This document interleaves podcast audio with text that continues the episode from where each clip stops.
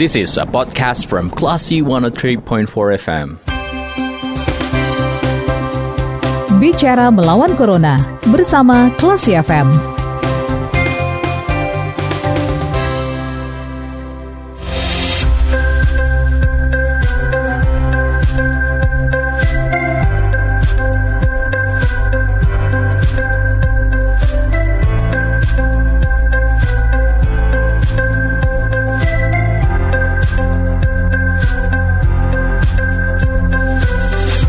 103,4 kelas FM Classy People masih di program Bicara Melawan Corona bersama saya Lia dan kita sudah terhubung dengan Ibu Sri Parmala Susi eh, SST ya. Beliau adalah ahli gizi, konselor menyusui, fasilitator makan bayi dan anak.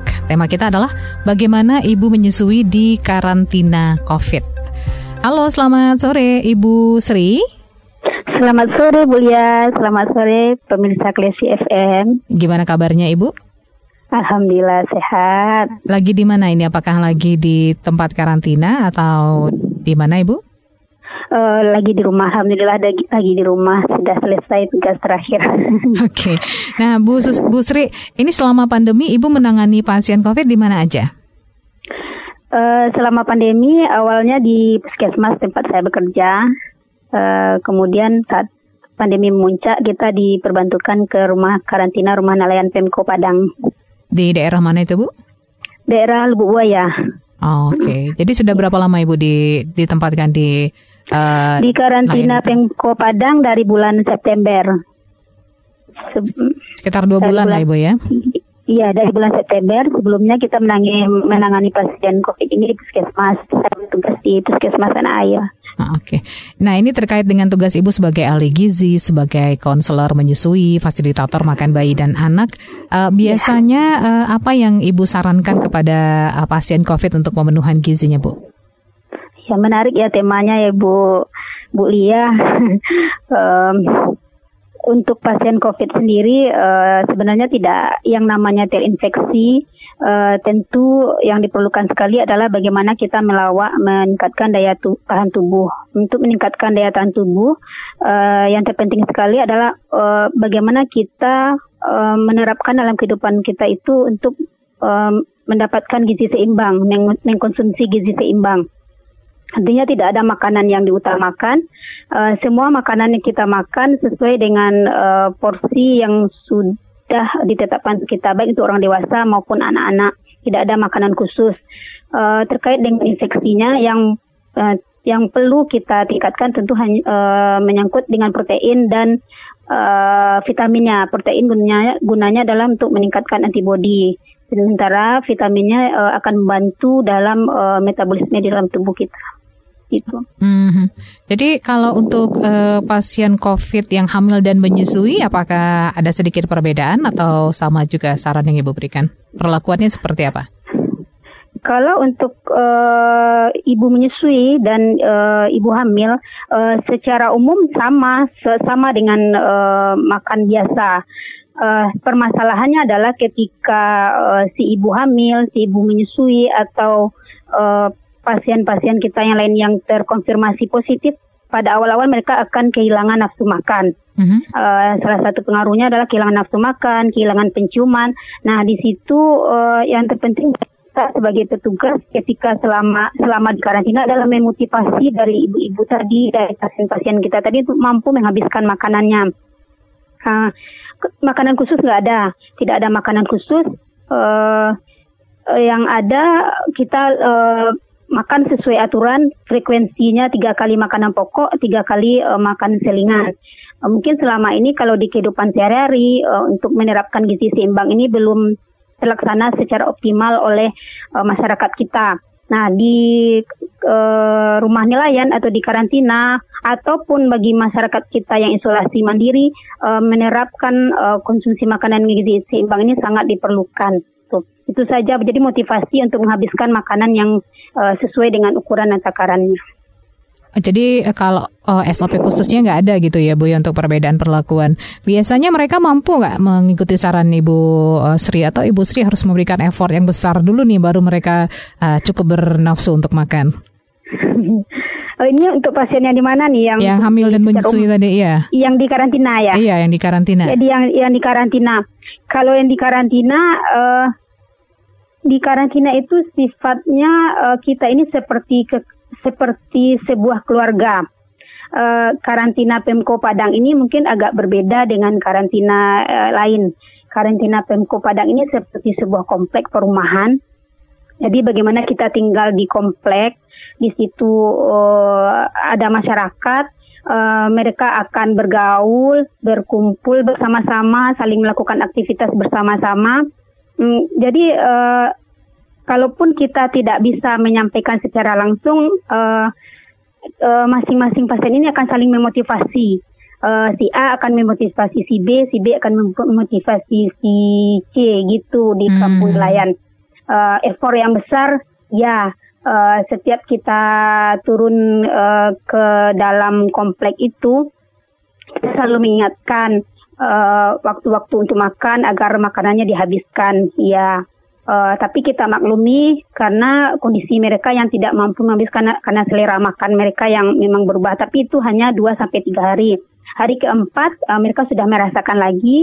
Dan yang uh, banyak keluhan dari uh, teman-teman kita yang sudah keluar dari kampung nelayan, Bu, uh, nanti kami keluar dari sini, kami sanggup nggak memenuhi kebutuhan sebanyak ini? Kami sudah terbiasa seperti ini gitu. Karena pagi kita di kampung nelayan jam 6 sudah makan, kemudian jam 9 udah datang snack lagi, jam 12 sudah makan, jam 3 makan lagi, jam uh, sore kita nanti makan lagi, kemudian ada susu di malam hari penambahan protein di malam hari. Jadi uh, perlakuan yang kita lakukan itu setiap hari membuat uh, pasien kita baik ibu hamil, ibu menyusui dan pasien-pasien lain menjadi terbiasa. Takutnya justru setelah keluar dari karantina nggak sanggup nih memenuhi kebutuhan gizi seperti itu. Begitu ya Bu Sri ya? Ya, yang mereka khawatirkan mereka kan biasa kalau kita aja lah yang bekerja kadang-kadang sering melupakan jadwal makan kan, uh-huh. uh, sering lupa jadwal makan, sering uh, lupa snacknya. Nah di perumahan karantina kita memberikan pembiasaan seperti itu. Jadi okay. harapan kita di ketika mereka teman-teman kita ini keluar, mereka juga terbiasa dengan uh, hal-hal yang demikian. Kalau untuk uh, ibu yang positif di karantina, kemudian dia sedang menyusui bayi dan bayinya tidak positif COVID, apakah disarankan untuk tetap menyusui atau dipisahkan dan diberi susu formula, Bu Sri? Oh iya, pertanyaannya menarik sekali, Bu Lia. Jadi untuk uh, di rumah nelayan yang diisolasi adalah ibunya ibu ibu yang terkonfirmasi positif. Jikalau bayinya tidak terkonfirmasi maka bayi uh, ditinggalkan tinggal di rumah. Nah, um, uh, pemisahan jarak antara ibu dan bayi ini ini juga memberikan uh, dampak kepada ibu atau ada sedikit kegalauan pada ibu karena uh, dia tidak bisa memberikan ASI kepada bayinya. Nah, kita berharap uh, selama ibu terkonfirmasi positif dan diisolasi, pemberian uh, ASI kepada bayi tidak terputus karena ASI adalah makanan terbaiknya. Uh, dan yang kita khawatirkan ketika si ibu pulang, kalau sebelumnya si ibu si bayi ASI, ketika si ibu pulang uh, 7 sampai 10 hari atau 15 hari di karantina, nanti si bayi akan uh, apa namanya bingung puting, tidak mm -hmm. tidak mampu lagi menyusu langsung kepada ibu. Nah, e, pertama kita e, memotivasi ibu untuk tetap memberikan asinya kepada bayi melalui asi asi perah. Jadi kita memotivasi ibu untuk memerah asi. E, kemudian asi perahan di e, per, di karantina e, kita menyediakan lemari es untuk penyimpanan e, asip tadi. Nah, si ibu memerah asinya kita simpan, kemudian keluarga akan mengambil asi tersebut. Nah, eh, ada lagi yang kita khawatirkan ketika asip itu sampai kepada bayi, uh, beberapa ibu memberikan melalui pemberian uh, media dot. Nah, kita motivasi keluarga, kita motivasi ibu agar tidak memberikan melalui media dot. Karena kita khawatir bayi akan bingung puting. Jadi banyak media yang bisa dipergunakan pada saat pemberian asip. Bisa menggunakan sendok, bisa menggunakan pipet atau menggunakan gelas. Tuh dan uh, ada uh, saya masih ingat ada ibu yang uh, dia galau bu bayi saya nggak mau uh, apa nggak mau menerima uh, me, uh, dengan uh, selain dot tidak dia sudah terbiasa dengan dot, nggak mau dengan dot. Saya khawatir nanti ketika saya pulang uh, tidak bisa. Nah, maka kita sarankan hal demikian. Kita tanya ulang ke, ke ibu, uh, bu, saya hanya memberikan dot pada malam hari saja lagi. Alhamdulillah sudah berkurang frekuensinya. Nah, itu uh, dukungan dari keluarga itu sangat penting sekali dan ketika si ibu merasa bahagia, imunnya meningkat, dia berpikir positif. Nah, uh, dia kebanyakan dari mereka jika sudah berpikir positif uh, akan segera konversi negatif karena tidak stres lagi, ibu sudah nyaman. Berarti saran ibu untuk uh, tidak menggunakan media dot ini diikuti oleh keluarga? Diikuti oleh keluarga. Ah, Oke okay, baik. Diikuti keluarga. Hmm. Oke, okay. nah tadi kan kita ngomong soal yang uh, sakit atau terkena COVID nih. Kalau untuk yang sehat, ada ada anjuran mengkonsumsi makanan khusus atau vitamin jenis apa begitu, Bu Susi? Eh, Bu Sri? um, uh, dalam apa nama dalam kehidupan sehari-hari uh, mau kita terkonfirmasi atau tidak pemenuhan gizi asupan makan itu sangat penting.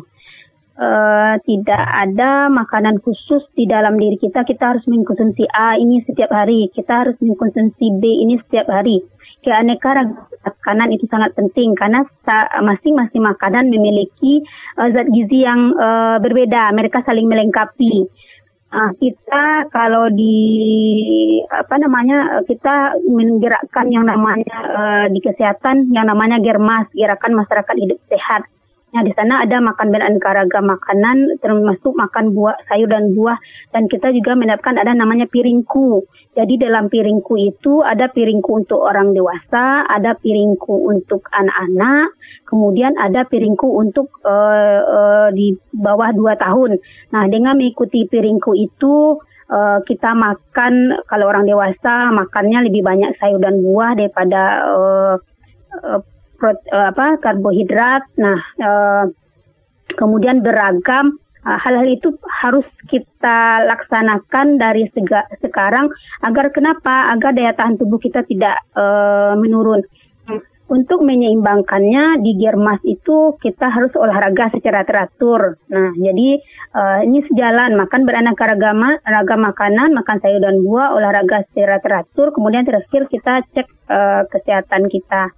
Nah, itu mungkin yang uh, kita anjurkan kepada masyarakat.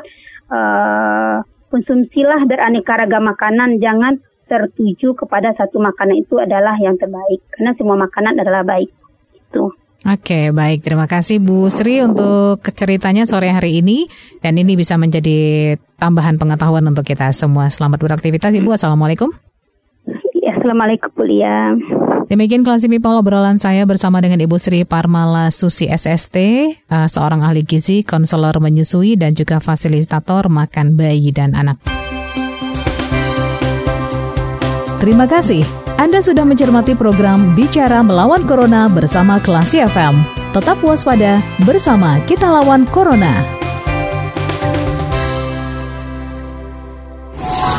This is a podcast from Classy 103.4 FM.